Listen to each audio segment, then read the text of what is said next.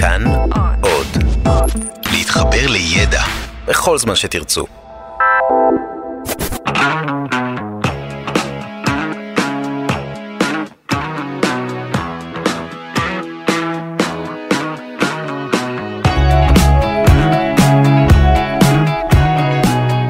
אז יש לנו מדינה, ובמדינה יש אזורים, ובאזורים יש ערים שבהן חי הרוב המכריע של הישראלים, וזהו? אז זהו שלא. גם בתוך הערים יש קבוצות וקהילות ופעילים וארגונים שבלעדיהם העיר היא לא עיר, ובטח לא מקום טוב לחיות בו. שלום, כאן ניצן הורוביץ עם עוד תוכנית של איך עושים עיר טובה, והפעם קהילה ודמוקרטיה בעיר. דמוקרטיה?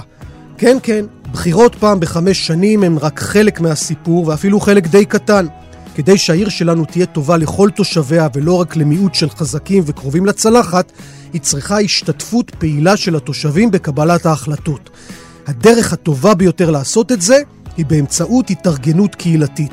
כי צריך לזכור את הרעיון הבסיסי, העיר לא שייכת לראש העיר וגם לא לעירייה, העיר שייכת לתושבים שלה, והמעורבות שלהם בחיי העיר היא תנאי מפתח לעיר טובה.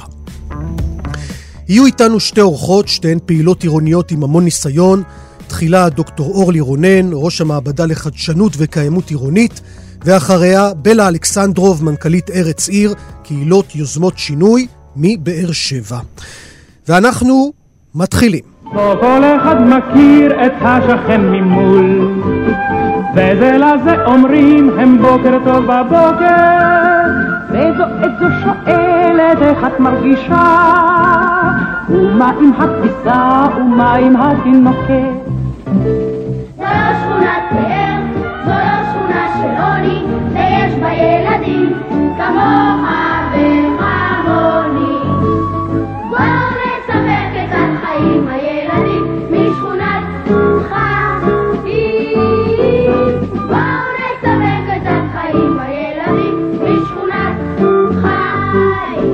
שלום לדוקטור אורלי רונן, ראש המעבדה לחדשנות וקיימות עירונית, בית הספר פורטר ללימודי הסביבה באוניברסיטת תל אביב. שלום, שלום. שיר הפתיחה היפה הזה של הילדים משכונת חיים בטלוויזיה החינוכית לוקח אותנו ישר אל תוך הסיפור של הקהילה העירונית. אבל לפני זה אני חייב לשאול אותך, טוב, מה זאת אה, המעבדה לחדשנות וקיימות עירונית? המעבדה לחדשנות וקיימות עירונית היא לא מעבדה, היא בעצם אה, חזון על הקשר והחיבור בין אקדמיה לבין העיר, לבין המרחב האמיתי. מה שאנחנו מנסים לעשות זה לייצר שיתופי פעולה עם רשויות מקומיות, במטרה להנגיש מחקר, ידע, כדי לקדם ביחד, במקרה שלנו, קיימות, איכות חיים, עירוניות טובה ומוצלחת במקומותינו. אז uh, אנחנו מדברים הפעם על uh, קהילה עירונית, אז בואי נתחיל בזה. איך אנחנו בעצם מגדירים את המושג הזה של קהילה? אז זהו, שיש לזה הרבה מאוד הגדרות. אז לא מובן מאליו שקהילה מתחברת עם עיר. להפך, יש כאלה אפילו שיגידו שזה אולי שני מושגים מנוגדים. זאת אומרת, העיר זה המקום שבו האינדיבידואל אמור להגיע לפריחה, והקהילה זה בדיוק הפוך. זה המקום שבו הקבוצה היא זאת שבעצם באה ופורחת. אבל כבר לפני לא מעט שנים, ברגע שהתחילו לחקור את הרעיון הזה של עיר, אני חושבת שאחד הדברים שגילו זה שהבסיס של ההצלחה העירונית זה היכולת להתארגן מעבר לתא המשפחתי. והעיר מספקת הרבה מאוד מנופים לצורת ההתארגנות הזאת. אפילו אם אנחנו נחשוב, מה זה בעצם עיר? אז יש כאלה שיגידו, עיר זה הבניינים שבה. ואני אבוא ואני אגיד, עיר זה מה שיש בין הבניינים. ומה שיש בין הבניינים, המרחב, הוא לא רק מרחב פיזי ציבורי, הוא גם מרחב קהילתי. הוא המקום שבו מתרקם משהו שהוא מעבר לאינדיבידואל ולמשפחה הגרעינית. אז תראי, יש פה שאלה די מתבקשת. Uh, המקום הכי טבעי של הקהילה זה ביישוב בעצם שכולו קהילה, זאת אומרת יישוב קטן, כפר, ולכן גם רמת ההשתתפות של התושבים גבוהה יותר שם מבעיר. לחלוטין. כי מה שבעצם אתה מתאר זה קבוצה של אנשים שמרגישה שהיא אחראית, אני לא אגיד בעלים, אבל לפחות אחראית על המרחב הפיזי שבו היא חיה. ואין ספק. מה זה בעצם כפר? זה התחיל מהתקבצות של כמה משפחות שהיה להם סוג של בעלות משותפת, מה שנקרא נחלת כלל משותפת, והם התארגנו ויצרו חוקים, תהליכים, תקנות, איך לחיות ביחד בדבר הזה ולנהל אותו בצורה מוצלחת. נחמד, אפשרי? לאו דווקא.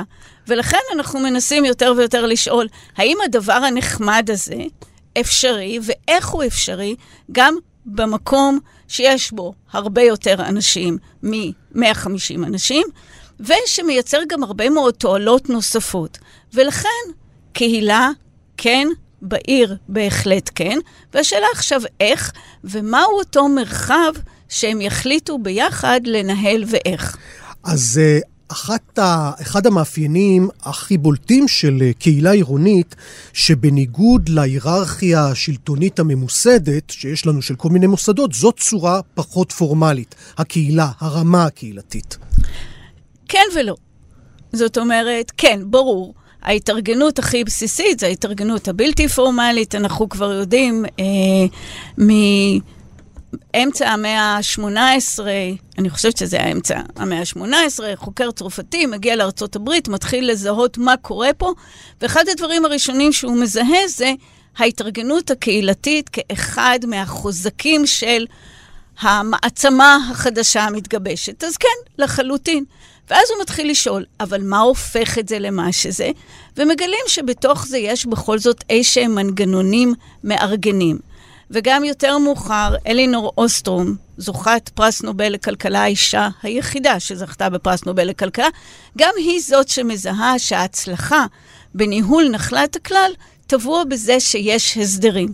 אז אנחנו מדברים על זה ש... כדי להצליח, אנחנו צריכים לייצר איזשהם מנגנונים. זה לא הכל פתוח, אלא המנגנונים האלה הם מנגנונים שמקובלים על כולם, וזה ההבדל.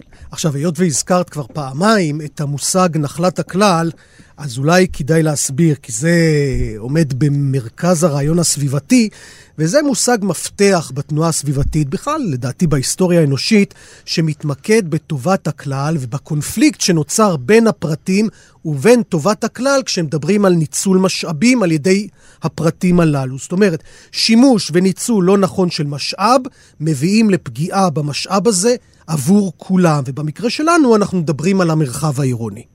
כן. אז קודם כל, הרעיון של נחלת הכלל הוא לאו דווקא רעיון שהתחיל בכלל מהתנועה הסביבתית בהכרח. הוא התחיל בצורה מופלאה בכפר האנגלי הקטן, והכיכר הירוקה במרכז הכפר, שנקרא ה-commons, ובעצם מה היה הרעיון? הרעיון היה שהיא שייכת לכולם וכולם יכולים להשתמש בה. זאת אומרת, כל אחד עם עדר הברווזים הקטן שלו יכול ללכת לתוך הנחלה המשותפת ולהאכיל את התרנגולות, הכבשים שלו, אלא מה? נשאלת השאלה, עד כמה ובאיזה תנאים. ופה נוצר איזשהו מושג שטבע גרט הרדין ב- לפני בערך 30 אה, שנה במאמר מאוד ידוע שנקרא הטרגדיה של נחלת הכלל. ומה הוא אמר? הוא אמר שאנחנו כבני אדם מונעים מזה שאנחנו רוצים לייצר כמה שיותר רווחים לטובתנו האישית, ונחלת הכלל, או סוג כזה של התארגנות, מאפשר לנו לנצל את זה עד תום. ואז באה אותה אלנור אוסטרום שדיברנו עליה כבר, ואמרה, לאו דווקא. זאת אומרת, מה שאנחנו רואים זה שדווקא משחר ההיסטוריה, אנשים כן יודעים לייצר את הדרכים שבהם ניתן ביחד לנהל את נחלת הכלל, ככה שהיא לא תקרוס או תיעלם, אלא היא תמשיך לשרת לאורך זמן בתנאים שהיא צריכה את כלל התושבים. ובהקשר הזה, כשאנחנו מדברים על קהילה עירונית, אז גם אפשר להגיד שזה סוג של תחליף או הרחבה למשפחה הגדולה, לחמולה, לשבט, לכפר, כי כנראה הדבק הזה שקהילה מספקת הוא רכיב חיוני בחיים שלנו. זה גם תחליף למה שהיה, ואולי באיזושהי צורה זה גם התחלה של מה שיהיה. כי מה שאנחנו בעצם מתארים זה סוג של דמוקרטיה שהיא הרבה יותר רחבה, שהיא הרבה יותר מכילה, דמוקרטיה השתתפותית. כי למעשה, מה קורה בנחלת הכלל? כולם שותפים גם לניהול וגם לרווחים, יהיו אשר יהיו. כלומר, כל פרט לוקח אחריות. וזה מייצר את מכפילי הכוח, ואת התמיכה, ומנגנונים של סולידריות, ורשת ביטחון, ואמפתיה. ובסוף, את יודעת, זה הלב שלו, אמור להיות הלב של אה, חברה אנושית. זאת אומרת, זה גם הופך את, המ... את המקום שאנחנו גרים בו למקום אנושי. זה ש... איך אומרים? יש אחריות הדדית. לפחות אמור להיות, לשם אנחנו בהחלט שואפים. אין ספק שאמפתיה וסולידריות זה, זה המילים שמתוכם אנחנו מייצרים את החיים הטובים, את החיים הטובים בעיר. עיר היא מערכת, ובתוך המערכת הזאת יש הרבה מאוד כללים. וחלק מהכללים נוג... נוגעים לאיך אנחנו מתנהגים בתור יצורים חברתיים, בתור קהילה. ומה בין קהילה דווקא לסביבה? זאת אומרת, איך הקהילה הפכה להיות שחקן כל כך מרכזי בנושא של קיימות עירונית? אפשר גם להגיד את זה הפוך. איך הסביבה הפכה להיות מנוף כל כך משמעותי בקידום קהילתיות ועירוניות, ו- וזה mm-hmm. מפתיע. זה, זה בכלל לא היה מובן מאליו, אני חושבת שזה משהו שהתגלה לנו ב-20, 25 שנים האחרונות, מאז שיש די הרבה עיסוק בנושאי סביבה בעיר. ותוך כדי זה, ממחקרים וגם מעשייה בשטח, ראינו שאחד מהדבקים החזקים זה העיסוק בנושאי סביבה. ולאו דווקא העיסוק המחאתי בנושאי סביבה, למרות שבהחלט גם כן, אלא העיסוק הקהילתי בנושאי סביבה, וכמובן גינות קהילתיות כשם מפתח. ראינו, אני חושבת כולנו, כל מי שעוסק בקיימות ועירוניות, ראינו שגינה קהילתית מושכת אנשים. זה פשוט מגנט. למה? כי זה מקום שבו אנשים יכולים לבלות בצורה נעימה ונוחה וקרוב לבית. עם ילדים, עם הורים, עם חברים, עם השכנים, אנשים שאתה חולף לידם בלי שום מכנה משותף, פתאום אתה מגדל צנונית ביחד. ולכן המרחב הפיזי, או המרחב הטבעי, הוא פשוט דבק. זאת אומרת, זה לאו דווקא שסביבה מהווה את המנוף הקהילתי, אלא הדברים שאתה יכול לחוש בהם, לראות אותם, לשמור עליהם, לחוות אותם, הם אלה שמהווים את הדבק הקהילתי. בתוך השכונה יש לנו גינה עם המון מקומות למשחק. עצים, שיחים, ספסל, פרחים, ויש שם גם דשא ענק. באנו לשם, השתוללנו שם יופי בתוך הגינה הגדולה הרחבה. אז בא הגנן ואמר לנו ככה, תראו, תעשו לי טובה, אתם מפריעים, אתם לא רואים, יש עוד המון מקומות בסביבה, תלכו לשחק במקום אחר, תעשו לי טובה. השיר החמוד הזה מתוך uh, רגע עם דודלי, אגב, מתוך הפרק שנקרא השכונה שלנו, מה לעשות, יש לנו חיבה בתוכנית הזאת לסדרות המיתולוגיות של החינוכית. אז רגע וחבורת הילדים שאין להם איפה לשחק כי מגרשים אותם מכל מקום, מביאים אותנו אל המאבק הסביבתי של קהילות והתארגנויות בעיר. Uh, התחלת לספר על גינות uh, קהילתיות. איך ומתי כל הסיפור הזה התחיל בישראל? Uh, טוב, יש כאלה שיגידו שזה התחיל עם המאבק על uh, ייבוש החולה. אז בואו נריץ את זה קצת קדימה, ואנחנו מגיעים איפשהו לתוך שנות ה-90. עכשיו, בתוך שנות ה-90 יש הרבה מאוד לחצים. יש עלייה עצומה, צריך להקים הרבה מאוד דירות, ומתחילים לעשות כל מיני קיצורי דרך. בדרך הקיצורי דרך האלה מתחילה גם להתארגן מחאה אה, סביבתית, חברתית, קהילתית, על כל מיני דברים. זאת אומרת, אנחנו מתחילים לראות את זה בחופים, ואנחנו מתחילים לראות את זה על שטחים פתוחים, ואנחנו מתחילים לראות את זה על כבישים. מתוך המחאה הזאת אה, נוצרות הרבה מאוד קבוצות פעילים מקומיות, ונוצרים גם הרבה מאוד ארגונים סביבתיים ארציים, אזוריים. למעשה התנועה הסביבתית מתגבשת כתנועה מאמצע שנות ה-90, עם ההקמה של הארגונים הגדולים, אדם טבע ודין, מגמה ירוקה, מרכז השל, בטח שכחתי חלק, אבל הולכים וקמים ותופסים יותר ויותר מקום, ואחד הדברים שהופך את הארגונים הסביבתיים לכוח, זה ש... שני חוקים שעוברים בכנסת. אחד זה חוק ייצוג ארגונים, שבעצם מקנה לארגונים הסביבתיים את הזכות, חובה, יכולת להיות חברים בוועדות תכנון, ש- שזה מהלך באמת משנה סדר יום. ואחרי זה נחקק עוד חוק, שהוא כבר נוגע ישירות לרמה העירונית, וזה חוק ועדות איכות סביבה, שבעצם מחייב כל רשות מקומית להקים ועדת איכות סביבה, ובוועדת סב... איכות סביבה לתת מקום לנציגים של ארגונים מקומיים. זאת אומרת, בבת אחת, גם הנושא הסביבתי, גם הנושא העירוני, וגם הזכות של ארגוני חברה אזרחית מקבל מקום. ודוגמה מאוד מפורסמת שאפשר לתת מהעולם למאבק קהילתי, זה הסיפור של אה, דאדלי סטריט בבוסטון בשנות ה-80. אגב, שנות ה-80, אבל הארגון מחזיק עד היום. ולמעשה אפילו אפשר להגיד שהתחיל קצת קודם, אבל באמת מגיע לשיא, ומתחיל בשכונה מאוד מאוד מופרת, ענייה, אה, שהופכת להיות פח הזבל של אה, מפגעים ופסולת אה, רעילה וכן הלאה וכן הלאה וכן הלאה, וכמובן גם אוכלוסיות מוחלשות ומצוקה חברתית וכל מה שאתה רוצה.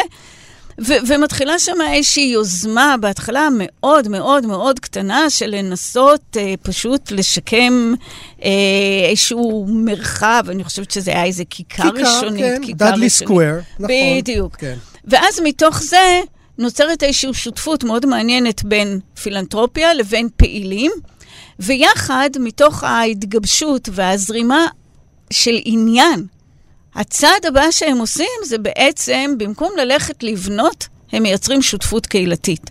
זאת אומרת, הם מייצרים התארגנות קהילתית, כי המחשבה שעומדת מאחורי זה, זה שאם לא נעצים את הקהילה, אין שום טעם לבוא לזרוק כסף, לשקם ולחדש. והתוצאה? והתוצאה היא שקודם כל שהשכונה באמת משתקמת, מתחילה לפתח לא רק את המרחב הפיזי הסביבתי, קודם כל את המרחב הפיזי הסביבתי, ואחר כך גם את המרחב הכלכלי.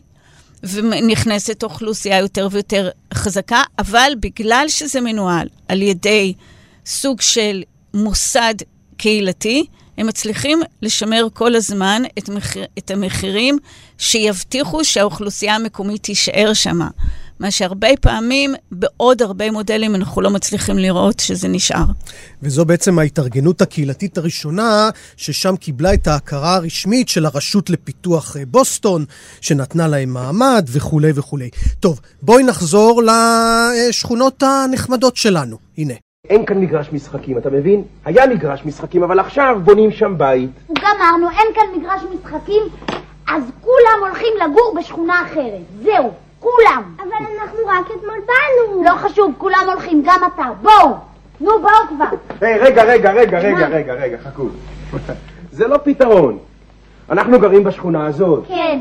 אז צריכים למצוא מקום לשחק בשכונה הזאת. נכון? כן, אבל מכל מקום מגרשים אותנו, נכון? אז זאת באמת בעיה. זאת באמת בעיה. אז מה נעשה? אה, אני חושב שכדאי לקרוא לאספה. מה זאת אסיפה? אספה זה כשאנשים מתאספים ומדברים. אה, אה, על מה הם מדברים? מדברים על כל מיני בעיות. איזה בעיות? תראו, אין לכם איפה לשחק. לא. אז זאת בעיה, נכון? זאת בעיה שלכם ושל כל אנשי השכונה המבוגרים. ואתה רגע, תלך לקרוא לכל השכנים לאספה, ננסה ביחד לפתור את הבעיה ולמצוא מקום לשחק. בסדר? בסדר, בסדר. טוב, אמ... ככה, את תלכי לקרוא לגברת... אז אה, טוב, אה, בשכונה של רגע ודודלי אה, מכנסים אספה כדי למצוא אה, פתרון לילדים, שיהיה להם איפה לשחק. בעיה באמת רצינית. איך באמת מתארגנים, אורלי רונן? איך זה קורה בתכלס? אז יכול להיות באמת באופן מאוד ספונטני שמישהו מתעצבן ומחליט לכנס את התושבים ועובר ושם פתקים בתיבות דואר, היום בשבע בערב, כולנו עצבניים ונחליט ביחד מה עושים. מצד שני, מה שאנחנו רואים, ועשינו מחקר על זה לפני שנתיים-שלוש, בשכונות שהוגדרו כשכונות מקיימות, ניסינו באמת לברר מהם אותם מנגנונים שמאפשרים התארגנות קהילתית מוצלחת ולאורך שנים. וזיהינו, אני חושבת, שני אה, מנופים מרכזיים. אחד, זה פעילים, פעילים מובילים, שתכף אני ארחיב, והשני זה המנגנונים הקהילתיים הקיימים, ואסור להמעיט בערכם. זאת אומרת, הרבה פעמים אנחנו נראה שמה שמצליח לשמור על אותה התארגנות לאורך זמן, זה דווקא מנגנוני האמצע. בין אם זה מנהל קהילתי כמו בירושלים, בין אם זה, כמו שדיברנו קודם בדוגמה של דאדלי, אותו, אותו מוסד מאורגן וכוח פילנטרופי שנותן לו זה, בין אם זה ארגון. צריך את מנגנוני האמצע שלהם יש את יכולת השימור. ולצידם יש את סוכני השינוי, את הכביכול משוגעים לדבר. אבל מסתבר שגם המשוגעים לדבר מתחלקים לשני טיפוסים. טיפוס אחד זה המשוגע לדבר שמגביה עוף. הוא אותו מנהיג מלידה שמתחיל ברמה הקהילתית ומאר... ומארגן את התושבים ועושה ימים כלילות, אבל די מהר עוזב את השכונה ועובר למועצת העיר, לראשות העיר, לממשלה וכן הלאה, ויש כאלה האמת, וזה מצוין. כן, זהו. וזה אוקיי. מצוין, זה מצוין, אוקיי, זה מצוין. כן. אלא מה?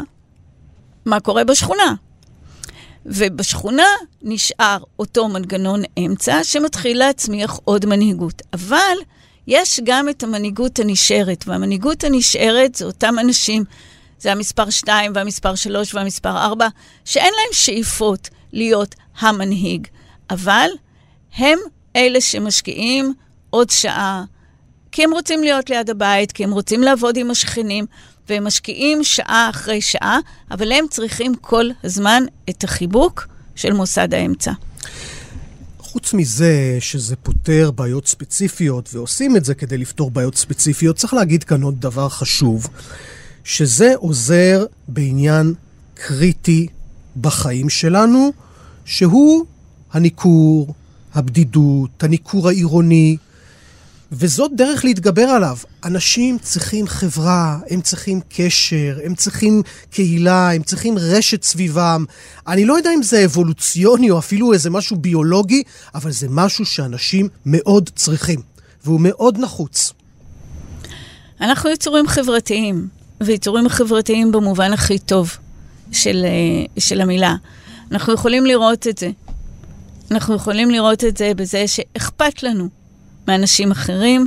אנחנו מרגישים תחושות טובות כשאנחנו נמצאים עם אנשים אחרים, ומעניין שעיסוק במרחב הפיזי הוא חלק מאותם טריגרים שגורמים לנו להכיר אנשים ולהיות עם אנשים. אחד המקרים המוצלחים ביותר שבתחום הסביבתי בשנים האחרונות זה שכונה לונדונית בשם בית זד, שכונה קטנה יחסית, שהוקמה על ידי שיתוף פעולה בין עיריית לונדון לבין ארגון סביבתי, ואמרו בואו נעשה מעבדה, נראה איך, איך אפשר לייצר חיים על פי עקרונות של טביעת רגל אקולוגית ועולם אחד, לא ניכנס לזה כרגע. בכל מקרה, בנו שכונה מבנייה ירוקה לעילה ולעילה, והשכונה הזאת מייצרת את האנרגיה שלה ומטפלת בפסולת שלה, ולא נוסעים ברכבים פרטיים וכן הלאה וכן הלאה. ואז עשר שנים אחרי הם עשו מחקר. רצו לראות במה השכונה הצליחה. אז ברור שהיא הצליחה בכל הפרמטרים הסביבתיים, אבל למרבה הפלא היא הצליחה גם בפרמטרים קהילתיים וחברתיים. והם פשוט קיבלו נתונים לגבי שביעות רצון מהחיים בכלל, אה, רמת היכרות עם השכנים. בשכונה הזאת הייתה רמה שפשוט הייתה הרבה יותר גבוהה. הם ידעו לנקוב בשמות פרטיים של שכנים הרבה יותר מה שתושבים בשכונות אחרות של לונדון, והבריאות שלהם הייתה יותר טובה מה שבמקומות אחרים. אז אה, דוקטור אורלי רונן, תני לנו כמה סוגים של קהילות וכלים. זאת אומרת, מה המודלים של אה, שכונות מקיימות? יש כמה מודלים, זאת אומרת, קודם כל זה לא כמה, יש אין ספור מודלים והתנסויות בהקמה ויצירה של שכונות מקיימות. אחד זה הרעיון של קיימות בפתח הבית, שבעצם אומרת דבר נורא פשוט. קיימות לא צריכה להיות עול ואתגר גדול. לא צריך לעבור אה, טירונות בשביל להיות אה, תושב מקיים. זה צריך להיות נוח, נגיש, ובראש ובראשונה מהנה. ולכן עשינו איזשהו ניתוח. לקחנו סדרה של ערים שנחשבות ירוקות ומקיימות, וניסינו לראות לפי שלושה פרמטרים מה העומק של הקיימות בעיר. אז הסתכלנו על ברצלונה, הסתכלנו על וינה, על סטוקהולם, ופשוט פשוט לפי GIS עשינו ניתוח של דחיסות ההזדמנויות לחיים מקיימים. אה, ואז ראינו שלמשל בערים המקיימות, הדחיסות של ההזדמנויות, כמו למשל למחזר, לקחת אופניים, להיות בפארק, היא מאוד מאוד גדולה. ככה שאם אתה חושב, מצייר לעצמך רדיוס של 300 מטר, שזה טווח הליכה מאוד מאוד נוח, ואתה מנסה לראות כמה הזדמנויות יש לך בטווח כזה לנהל חיים מקיימים.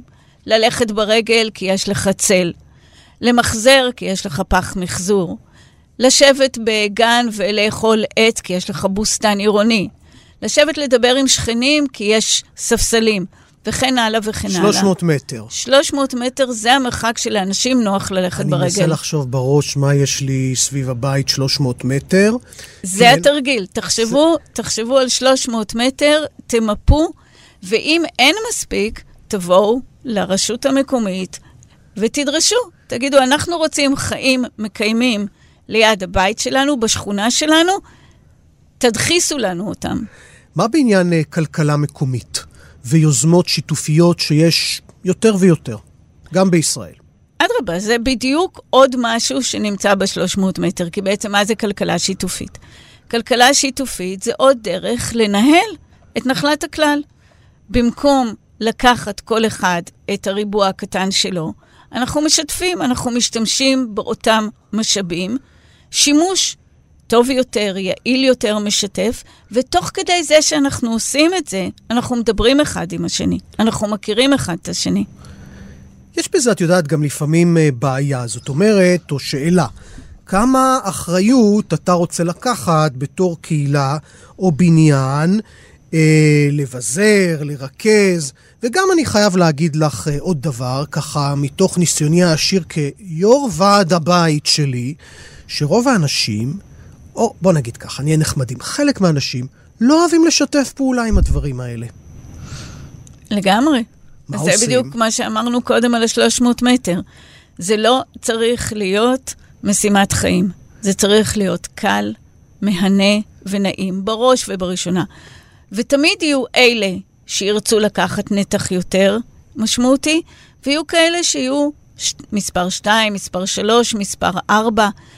דמוקרטיה זה צריך להיות משהו מאוד פתוח ומגוון. אין דרך אחת לייצר השתתפות. צריכ- צריכות להיות אלפי דרכים לייצר השתתפות שתתאים לכולם. זה באמת לדעתי אה, לב העניין, כי כל הסיפור של החיים שלנו במרחב נפגש עם רעיון האזרחות, הזכות שלך, שלי, שלנו להשפיע, והאחריות שאתה לוקח כחלק מהכלל, או במילה אחת, דמוקרטיה.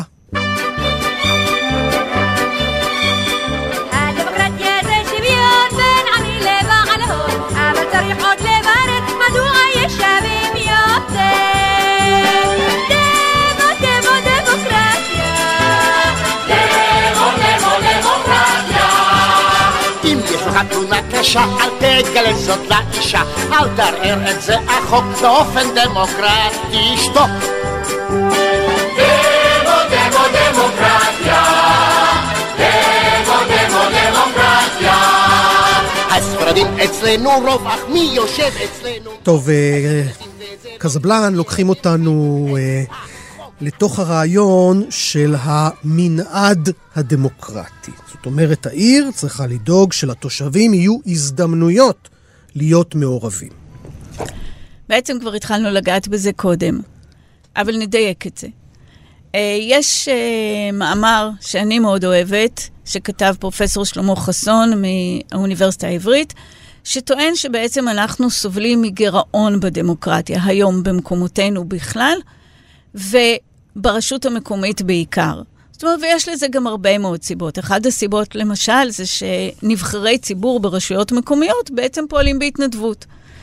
וכמו כל דבר שאתה עושה בהתנדבות, אתה צריך להקצות לזה זמן שנלקח מתוך כביכול החיים האמיתיים. כבר נוצרת בעיה. ועוד דבר זה שיש לנו מעט מאוד הזדמנויות לפעול כאזרחים. בדרך כלל, בחירות מצד אחד, הפגנות מצד שני, ומה קורה באמצע? מעט מאוד. לפעמים ועד הורים, ועד בית, אבל זה באמת הזדמנויות מאוד מאוד מוגבלות. אז איך עושים אה, שיתוף ציבור או השתתפות של הציבור בצורה נכונה וטובה? אז קודם כל מייצרים הזדמנויות, כמה שיותר הזדמנויות. הזדמנויות זה יכול להיות מנגנונים כמו למשל משאל עם. משאל עם זה מנגנון שקיים לא בישראל, אבל במקומות אחרים בעולם. למשל בגרמניה, בברלין היו כבר כמה משאלי עם על נושאים סביבתיים, ולצורך זה קבוצת אזרחים מתארגנת, היא צריכה לגייס מספיק אזרחים, אבל ברגע שהיא מגייסת מספיק אנשים שחותמים על עצומה להעביר את הנושא במשאל עם, מקיימים משאל עם על הנושא. ומנגנונים כאלה קיימים גם בכל מיני צורות, גם בארצות הברית, במדינות רבות. זה למשל דוגמה אחת. דוגמה אחרת, דווקא כן ממקומותינו, המנהלים הקהילתיים בירושלים. המנהלים הקהילתיים בירושלים מנוהלים על ידי ועד נבחר. אבל בניגוד לוועד שכונה אקראי, להם יש גם סמכויות פיזיות. אסור לנו לשכוח שאחד הדברים שמייצר דמוקרטיה משמעותית זה הכוח שניתן לשותפי, לדמ, לאזרחים. בלי הכוח הזה, זאת אומרת, הרבה פעמים מדברים על שיתוף ציבור. שיתוף ציבור, ההתכנסות עצמה זה לא העניין. מה שהופך את ההתכנסות למשמעותית זה הנושא שעליו אנחנו מתכנסים. עד כמה נותנים לנו באמת יכולת להשפיע על דברים מהותיים. ככל שנותנים לנו יכולת יותר עמוקה, ככה הרצון להתחבר ולפעול כאזרחים יהיה יותר רחב. השאלה שתמיד עולה בהקשר הזה, היא אה, איך אפשר לנהל עיר בצורה כזאת. זה יותר קשה. זה לחלוטין יותר קשה. ברור לחלוטין שהרבה יותר קל לנהל דברים בצורה אוטוקרטית אה, אה, דיקטטורית. אין ספק. לא, אבל... בא, לא דיקטטורית, אבל בא ראש העיר אומר, בחרתם בי, תנו לי לעבוד. זה בדיוק השיח המתמשך בין דמוקרטיה ייצוגית לדמוקרטיה השתתפותית. ואין ספק, היו תקופות לאורך ההיסטוריה שמה שהיה צריך זה דמוקרטיה ייצוגית. להערכתי אנחנו נכנסים היום לתקופה שבה אנחנו צריכים לשנות את הדרך שבה אנחנו מסתכלים על המרחב הדמוקרטי. השתתפות, שותפות, הם חלק מהחיים שלנו. אנחנו כאזרחים, כאנשים, רוצים להיות היום הרבה יותר מעורבים ומשפיעים. ויש לנו גם את הרצון, את היכולת ואת המוכנות ללקיחת אחריות. יש לנו גם את הכלים הטכנולוגיים היום. ובסביבה הדיגיטלית המפטפטת שבתוכה אנחנו חיים, צריך גם לתת לזה ביטוי במקומות הכי חשובים בחיים שלנו. ההחלטות על המקום שבו אנחנו חיים, על הדרך שבו הילדים שלנו ילמדו. את חושבת שאפשר לעשות ניהול מלא בידי התושבים? אני בספק. זה בהחלט מחשבה מאתגרת, אה, אבל אני חושבת שצריך לייצר את המקום שבו יש מרחב השפעה ויש חלוקת אחריות. לא כולם צריכים לעשות הכל. אנחנו צריכים לדעת להכיל סוגים שונים של ידע וסוגים שונים של השפעה. לדעת לייצר מנגנונים שנותנים מקום גם לאיזשהי סוג של היררכיה וגם לשותפות רחבה. יש כמה דוגמאות שהן די משכנעות. Uh, כל הרעיון של תקציב השתתפותי התחיל בניסיון מוצלח בפורטו אלגרה בברזיל בסוף שנות ה-80, שגם מתוך רצון לייצר העצמה קהילתית, החליטו לשתף את הקהילה בהחלטה על נתחים מאוד משמעותיים מהתקציב העירוני. עכשיו, ההחלטה על נתחים מאוד משמעותיים מהתקציב העירוני מחייבת הכשרה. אי אפשר להחליט ככה פתאום מה יעשו עם, אני לא זוכרת את הסכומים, 250 מיליון דולר, זה נגיד. הרבה, כן. עיר בדיוק. גדולה, פורטו אלגרה. ולכן כן. אנחנו צריכים להבין, אז כל התהליך שלהם לווה בסדנאות, שהשתתפו בהם מאות אנשים, בתהליך של למידה, וכמובן שגם לא החליטו על כל התקציב. חילקו את התקציב לתקציב השוטף, שהתקציב השוטף מנוהל על ידי העירייה, ויש את תקציב הפיתוח. והחלטות הפיתוח הם הדבר שאיתו אפשר לנהל את הדיאלוג עם הציבור ולהחליט עליו יחד. יש עוד הרבה מודלים דומים היום בעולם, לא מזמן גם בפריז יצרו קרן שהיא בעצם קרן קהילתית, שאם אני לא טועה, שמו, שמו שם 20 מיליון יורו, ו-20 המיליון יורו האלה הם בעצם להחלטה משותפת ולהצעות שמגיעות מהאזרחים. אני חושב שמה שעומד ביסוד הדוגמאות האלה ואחרות, זה התפיסה שהעיר לא שייכת לעירייה, אלא היא שייכת לתושביה. ומפה יוצאים הרבה דברים. שאלת המפתח, למי העיר שייכת. בואי לסיום, אורלי, ניתן אה, דוגמה למודל עירוני שלוקח בחשבון את כל מה שדיברנו עליו, אם יש כזה. אני לא חושבת שיש את המודל האולטימטיבי. יש הרבה מאוד דוגמאות לדברים טובים, ואם אנחנו מסתכלים ומתחילים לעשות drill down, להבין מה הדבר הזה שמייצר אותם כמודלים טובים, אנחנו נראה שמה שעומד בבסיס זה יחסי אמון. ואמרת קודם, לתת, לקחת. אם אנחנו מצליחים להגיע למצב שבו יש בינינו מספיק יחסי אמון, שזה לא לתת, לקחת, ואז אני מפסידה, אתה מרוויח, אלא אנחנו בסופו של דבר מאמינים אחד בשני. זה נשמע אוטופי, אבל זה בהחלט משהו שאליו, לדעתי, אנחנו צריכים לקוות, וזה הבסיס להתנהלות טובה ונעימה בעיר ובקהילה. דוקטור אורלי רונן, ראש המעבדה לחדשנות וקיימות עירונית, בית הספר פורטר ללימודי הסביבה באוניברסיטת תל אביב, אני מאוד מודה לך. תודה רבה. זו לא שכונת פאר, זו לא שכונה של עוני, ויש בה ילדים כמוך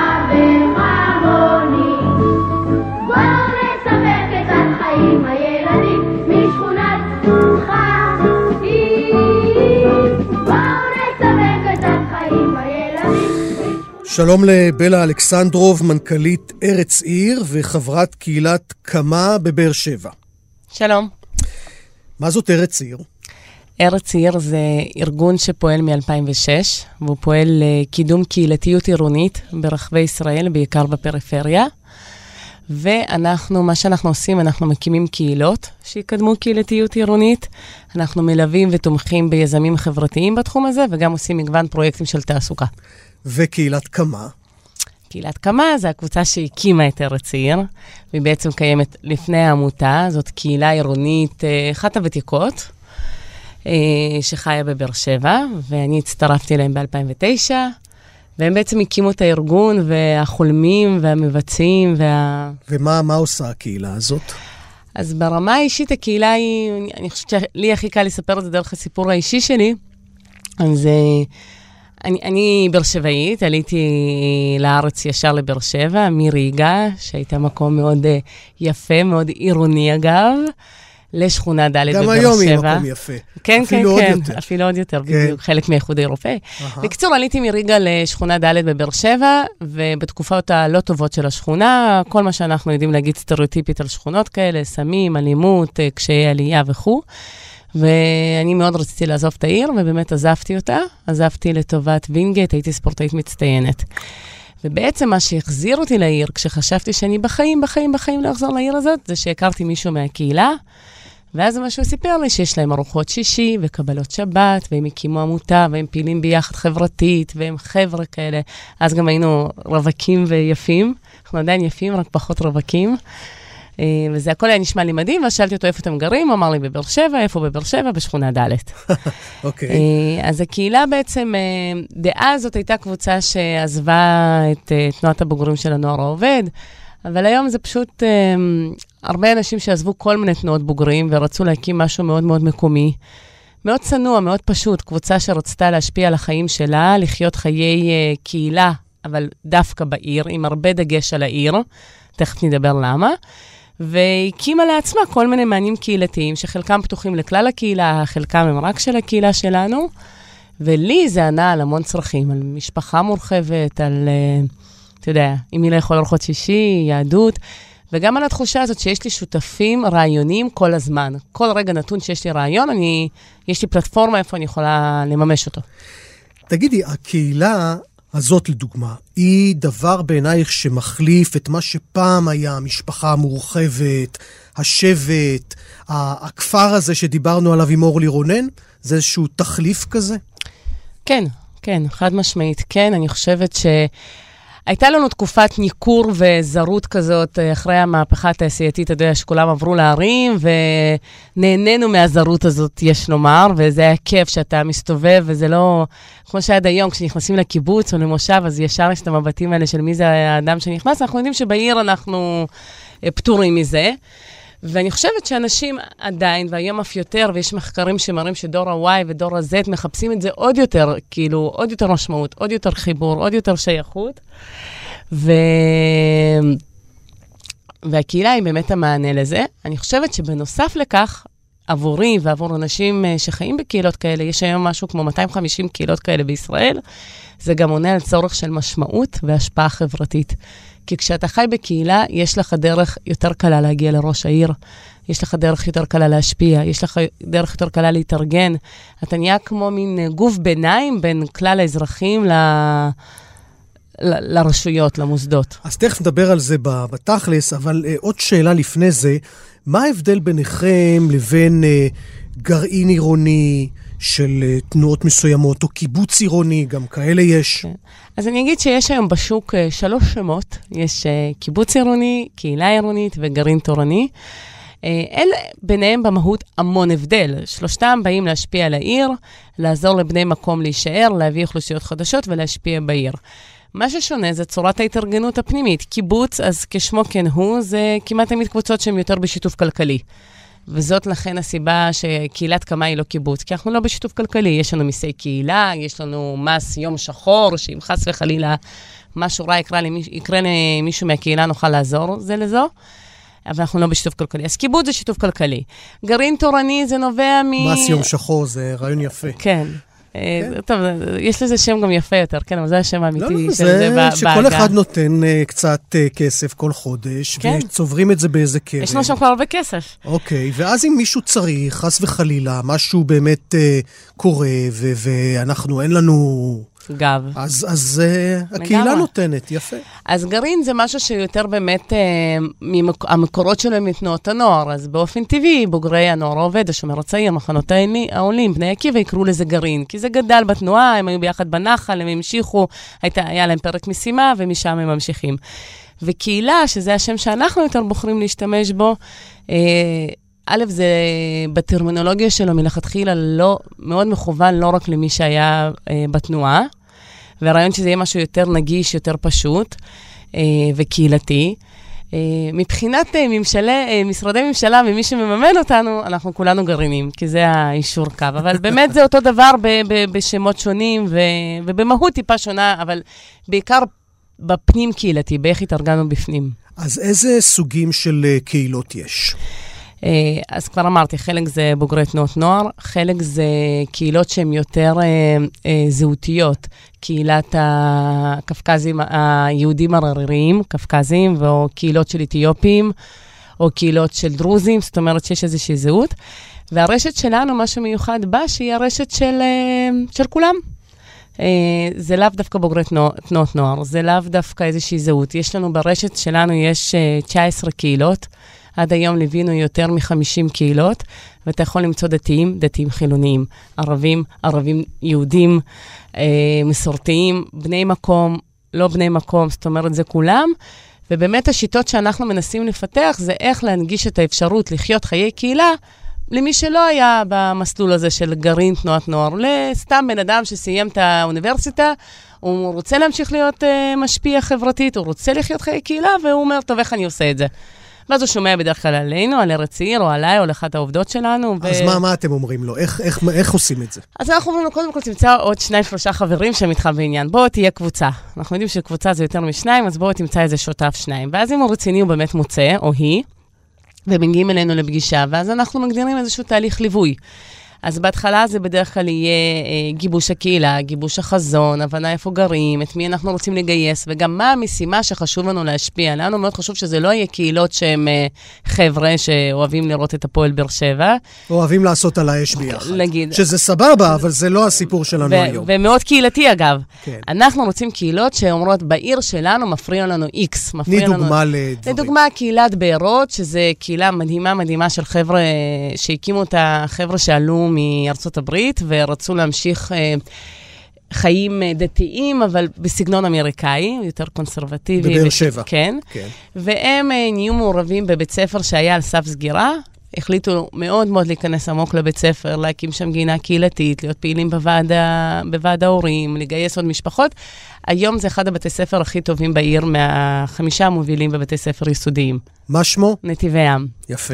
אה, קהילה אחרת בחריש אה, עשתה תהליך מדהים יחד עם ראש עיריית אה, חריש, של לחשוב ביחד על תכנון של השטחים הפתוחים, ומה קורה בהם, ואיזה צמחייה שמים שם, ואיך זה נהיה מר, מרחב קהילתי.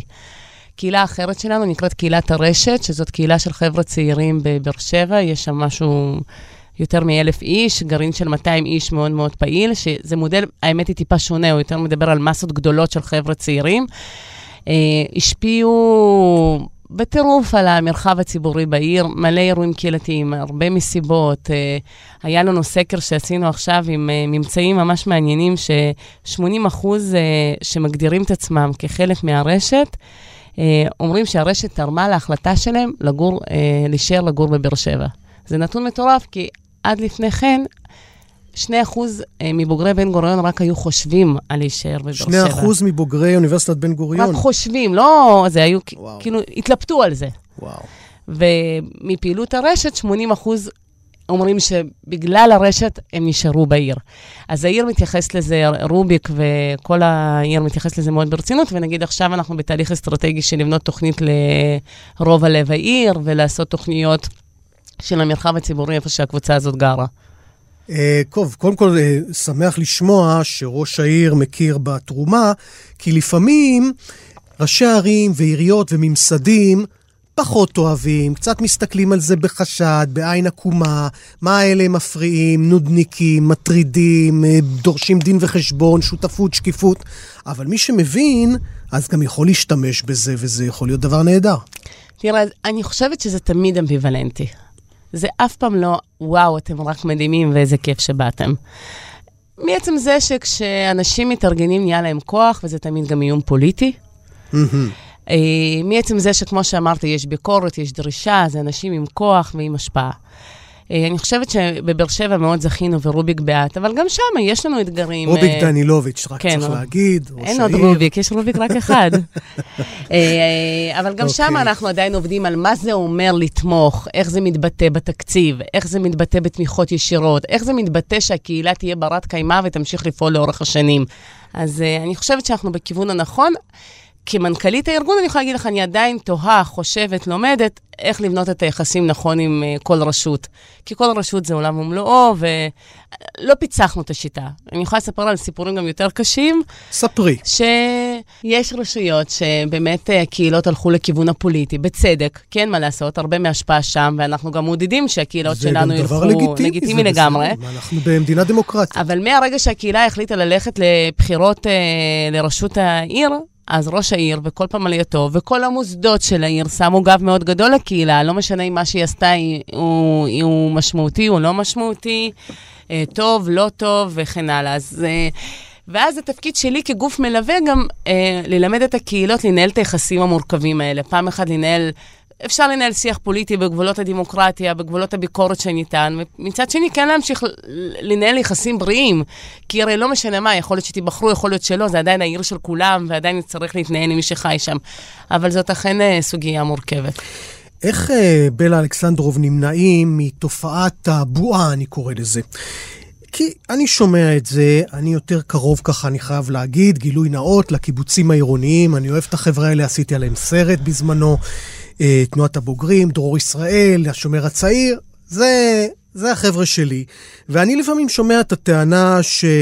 שכן, זה חבר'ה שבאים מבחוץ, ויש להם ככה שאיפה להציל את העיר, אבל זה מעורר אנטגוניזם וזה נתפס כהתנשאות. אז איך, איך מהניסיון שלך אפשר למנוע את הבועתיות? אז אני אענה בשני כובעים. אה, אני נס... תראה, אני באר שבעית שגדלה בשכונה ד', ששנים רבות הייתה מה שאנחנו אוהבים לקרוא לו נערה בסיכון, וזאת שצריך להציל. אז uh, כתושבת, uh, עצבנית, יש לומר, אז זה באמת מעצבן, מה, מה, אני לא צריכה שיבואו להציל אותי. אני בכלל לא קוראת לעצמי, ולעולם לא קראתי לעצמי נערה בסיכון. ווואלה, תביאו לי את הכסף, את המשאבים שיש לתנועות האלה, ואני אדע מה לעשות בעיר. אז זה כאילו כל אחד שהוא נמצא בעצמי, ומנגד אני בעצמי מנהלת היום ארגון כזה. שאני לא חושבת ש... תראה, זה, זה שיח מאוד מסוכן, כי הוא יכול מאוד לסרס. להגיד שכל מי שמבחוץ, אל תבוא כי אתה בא להציל אותנו, זה אבוי לנו. הבודדים שעושים, וגם להם נגיד לא. אני חושבת שהשאלה היא באיך. האם אנחנו באים בצניעות, בענווה? האם אנחנו מכבדים את הידע המקומי, את הידע הזהותי, את, הידע, את הנכסים התרבותיים שכל קבוצה מביאה? האם אנחנו יודעים לייצר דיאלוג, להבין את הצרכים? וזה, אי אפשר להגיד שזה תנועה או גרעין. אני יכולה להגיד לך, כולל התנועות שמנית, כולל הקהילות שלי של רש, רשת ארץ עיר, יש קהילות, יבואו, יעשו את זה מדהים, מושלם, רגיש, קשוב, עם הקהילה וכן הלאה. ובכל הארגונים כאלה יש קהילות וגרעינים וקיבוצים שעל ההיסטור. כן באים בהתנסות ובתצילו אותי וכן הלאה. אני חושבת שהאחריות שלנו בתור מי שחי בקהילות ובקבוצות כאלה, זה לזכור שיש לנו כוח. וכל מי שיש לו כוח צריך לדעת איך להתנהל איתו. איך זה יכול להחזיק את עצמו? תני כמה דוגמאות לקהילות שפיתחו מודלים ומנגנונים שמחזיקים את עצמם. כן. אז גם את הסוגיה הזאת אפשר לתקוף מכל מיני נושאים. אז uh, מרכיב אחד, אני אדבר על המדינה רגע. אנחנו יודעים שבאירופה יש מודלים של עבודה הרבה יותר יעילה עם המגזר השלישי בכלל. והבנה של מקומו. אני חושבת שבארץ המגזר השלישי מאוד תפס את הנישה של להיות uh, ספק ביצוע של המדינה, לזכות במכרזים ולהחליף אותה, את המדינה בגלל תהליכי הפרטה מואצים. Uh, וזה בסדר, אבל יש לנו פה דרך כמדינה לעשות, להבין בכלל איך עובדים עם המגזר השלישי, ובין היתר עם הקהילות. אנחנו כן נתמכים על ידי uh, אורי אריאל, על ידי הקול קורא שמשרד החקלאות מוציא, וזאת uh, הכנסה משמעותית, והיא גם קריטית, כי אנחנו באמת, כל הגרעינים יושבים בערי הפריפריה ועושים עשייה משמעותית בנוער בסיכון, בנושאי סביבה, בנושאי תרבות, בנושאי חינוך.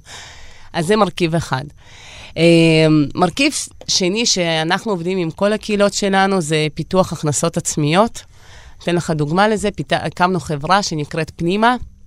כולכם מוזמנים uh, ככה להקליק באינטרנט. פנימה. Uh, שעושה סיורים של uh, תרבות ותיירות וסיורי תוכן לחברה הישראלית. זאת אומרת, כשבאים אנשים מחו"ל או מארץ, בואו תכירו לא רק את ים המלח ואת המכתש, אלא בואו תכירו את הקהילה שחיה בבאר שבע, או בדלת, או בגימל, או ברמלה, או בלוד, או אז זה מקור לא רע להכנסות עצמיות.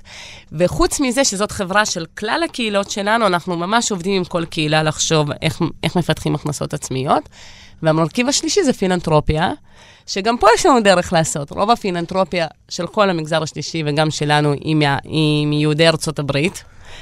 והיהודים שלנו בתוך ישראל לא צריכים לעשות תהליך ולפתח את שריר התרומה. זאת אומרת, יש איזה חמש-שש משפחות ש... שריר התרומה. כן, זה שריר כן. מאוד חשוב, שאגב, כן, יש כן, מחקרים כן. שמראים ש... שגם אותו צריך להתחיל מגיל צעיר, ולהתחיל אה, זה. אז בסוף, אה, ככה לענות לך את האמת, זה היום במגזר השלישי, כשאומרים משהו שהוא sustainable, זה בדרך כלל שהוא לא תלוי באף גורם, שהוא שליש מדינה, שליש פילנטרופיה, שליש הכנסות עצמיות, וזה גם מה שקורה אצלנו. את יודעת, אה, בלה, אני נתקל ב... המון ספקנות אצל אנשים ביחס בכלל לאפשרות לעשות שינוי. כי המערכת, את יודעת, מחנכת אותנו להיות צייתנים ולקבל את גורלנו, ולאנשים קשה להאמין עד כמה הם באמת יכולים להשפיע. ותראי, האמת שיש התנגשות עם המערכת הפוליטית, עם שאר הגורמים, הון, אה, תקשורת, זה קשה. אבל בהחלט, וזה מהניסיון שלי, כל מיני דברים שהייתי מעורב בהם, זה בהחלט יכול להצליח. אם עובדים נכון, אפשר. טוב, אתה מדבר עם אופטימית אה, מלידה, אני לגמרי מאמינה שאפשר. לשבת בסלון ולהתלונן שחרא פה, זה באמת יותר קל. אה, להתחיל אה, לעשות ולזוז מאזור הנוחות, זה יותר מאתגר, אבל תשמע, יותר ויותר אנשים עושים את זה. אני, יכול להיות שזה הפייסבוק שלי והפיץ שלי והחברים שלי, אבל אני מרגישה... מרגישה את הצורך, מרגישה את ההתלהבות. תני ככה איזה סיפור ככה שעולה לך בראש, מאיזה מאבק, אני לא יודע, איזה סיפור שהתחלתם וזה היה נראה שזה לא יצא מזה כלום, ואיכשהו הצלחתם ו... וקרה משהו יפה. אני חושבת שהדוגמה הכי בולטת uh, עבורנו זה הרשת בבאר שבע. ואני אסביר למה, כי תראה, על פניו באר שבע זאת עיר שיש לה את כל העוגנים. יש אוניברסיטה, יש בית חולים מאוד מצליח, יש ראש עיר ממש טוב, אז כאילו היא אמורה להצליח ולעוף. יש מוסדות תרבות, כן, יש, כן, כן. כן, כן. ועדיין, אה, מדוע כל כך הרבה צעירים ראו, רואים בבאר שבע אה, תחנת מעבר? לבוא, ללמוד ולעזוב. ואני חושבת שזה שבאנו, בלי להתלונן, פשוט הקמנו את הרשת, הקמנו מלא מלא אה, אירועים ווייב של בוא, אתה יכול להישאר פה. כשסטודנט מסיים את התואר, אז הוא כאילו מאבד את כל הבועה, איפה המסיבות, ואיפה הכיף, ואיפה ארוחת שישי, והפאב. הוא כאילו אומר, רגע, רגע, מה קורה פה? אני נשאר לבד. דבר ראשון שהוא עושה, הוא בודק מי נשאר איתו בעיר. וברגע שהתחלנו לייצר את הווייב הזה, הרבה נשארים בעיר, אתה לא לבד, קורה פה משהו, ולא רק נשארים בעיר, נשארים להשפיע על העיר. ולא רק נשארים להשפיע על העיר, נשארים להשפיע על העיר ככה שיהיה לך כיף, כי אנחנו נעשה עדיין מסיבות, ונעשה ארוחות שישי, ונקים מיזמים חברתיים, ופתאום זה עובדה קיימת, כולם מכירים את זה, זה מסה הרבה יותר גדולה ממה שאנחנו היינו רגילים לעבוד לפני כן עם קהילות. ואתה רואה שהרשות לפיתוח הנגב נהיית שותפה שלנו ורוצה לשכפל את המיזם ולהגדיל אותו, וגם הפילנטרופיה, וגם העירייה היום חושבת איך להטמיע אותו בעיר. את, זה לגמרי יוזמה שקמה מלמטה, ובאופן שבו היא עבדה, היא יודעת לרתום את כל השותפים, להמשיך את זה ולמסד את זה. זה, זה מין תנועה תמידית כזאת של מלמעלה למטה ומלמטה למעלה, ו- והדברים מתחברים וקורים, וזה פתאום... אני שומעת חבר'ה שפתאום uh, מדברים, לא, בטח, אני נשאר, לא, עברתי לשכונה ב', אני חלק מהרשת וכן הלאה. טוב, בלה אלכסנדרוב, אה, מנכ"לית ארץ עיר, אה, שתמשיכי ושתצליחי. תודה רבה. באמת, בשביל כולם, אז תודה שהיית כאן. תודה רבה.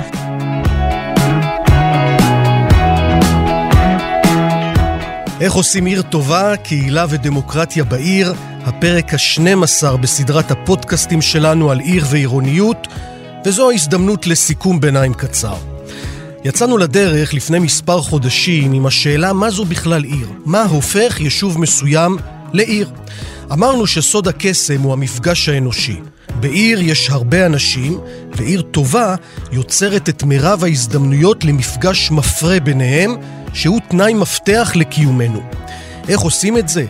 במהלך הפרקים נכנסנו לתוך התחומים השונים, הבינוי והבתים, התנועה והתחבורה, העסקים והמסחר, קבוצות האוכלוסייה השונות, אופיו של המרחב הציבורי, הטכנולוגיה, הטבע העירוני, איכות הסביבה, התרבות. ובפרק הזה, הפרק התריסר, הגענו לדמוקרטיה ולקהילות עירוניות. בכל נושא ניסיתי להראות באמצעות מומחים מהשורה הראשונה בארץ ואנשים שממש עושים את זה בפועל, בשטח, איך פיתוח וניהול נכון של התחום, בכלים שלגמרי נמצאים בידיים וביכולות שלנו כאן בישראל, ממקסם את אפשרויות המפגש האנושי ומשפר את איכותו, מה שמשפיע באופן דרמטי על חיינו, אולי יותר מכל עניין אחר. המסקנות בכל פרק נכונות לכל עיר בעולם, ובישראל יש להן חשיבות מיוחדת. כי בישראל, בגלל המציאות הגיאוגרפית והחברתית שלנו, יש לערים חשיבות ראשונה במעלה. בישראל שיעור העירוניות הוא כבר מהגבוהים בעולם. אם נשכיל לעשות כאן עירוניות טובה, נבטיח את מקומנו לעתיד בצמרת העולמית. יש לנו את הידע ויש לנו את היכולת לעשות את זה, מה שאי אפשר להגיד על רוב המדינות בעולם. אבל אם לא ננצל את הנכסים האלה ונלך בדרך אנטי-עירונית, בגלל אינטרסים אנוכיים ובגלל קבלת החלטות לקויה, אנחנו גוזרים על עצמנו קשיים גדולים. כן, חברות וחברים, העסק הזה לגמרי בידיים שלנו. עורכים ומפיקים את הסדרה הזו, מנור בראון ורום אטיק. ניתן להאזין לנו בכל זמן, מתי שתרצו, באתר כאן, באפליקציית כאן אודי ובכל אפליקציות הפודקאסטים, ההסכתים. אני ניצן הורוביץ, להתראות.